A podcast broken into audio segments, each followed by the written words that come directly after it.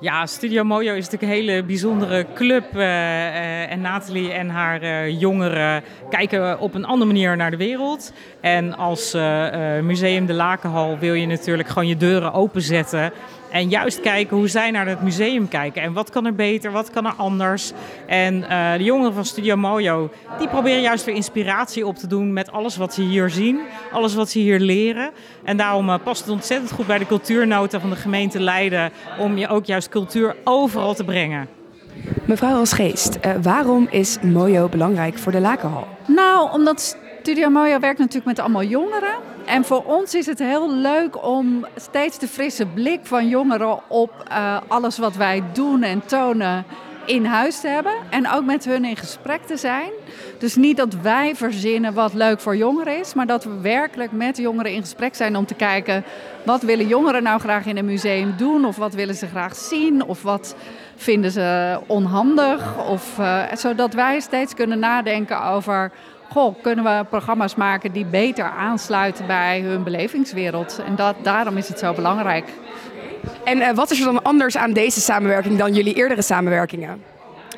Nou, we hebben eerder steeds een beetje incidenteel samengewerkt. En nu maken we er echt een programma van, van voor vijf jaar. Dus we gaan echt een commitment samen aan. Dat is een verschil. En wat ik verder heel leuk vind bij Studio Mojo is dat ze ook heel erg bezig zijn met waar haal je nou inspiratie uit? Of wat, uh, waar vind ik mijn talent? Dus er zit ook wel echt een soort van samenwerking in die kunsten of die liefde voor de kunst in.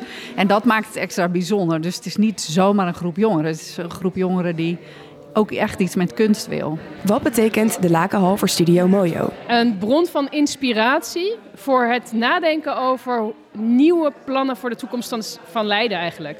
Dus wat we hier vinden is elke keer weer een verrassend nieuw inzicht, waardoor we op een andere manier gaan nadenken over waar we mee bezig zijn. En uh, wat maakt deze samenwerking nu precies anders? Wat uh, gaat er concreet veranderen?